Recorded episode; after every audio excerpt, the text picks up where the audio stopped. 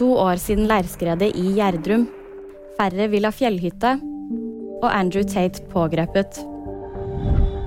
I dag er det to år siden leirskredet på Gjerdrum. Raset var på et område på 300 ganger 700 meter og tok livet av ti personer, deriblant en gravid kvinne. Flere av dem var savnet i lang tid før de ble funnet omkommet.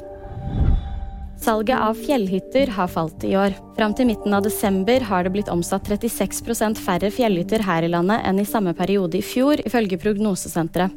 De to største barrierene mot å kjøpe fritidsbolig akkurat nå er høyere strømpriser og økte utlånsrenter, sier senioranalytiker i Prognosesenteret til Dagens Næringsliv.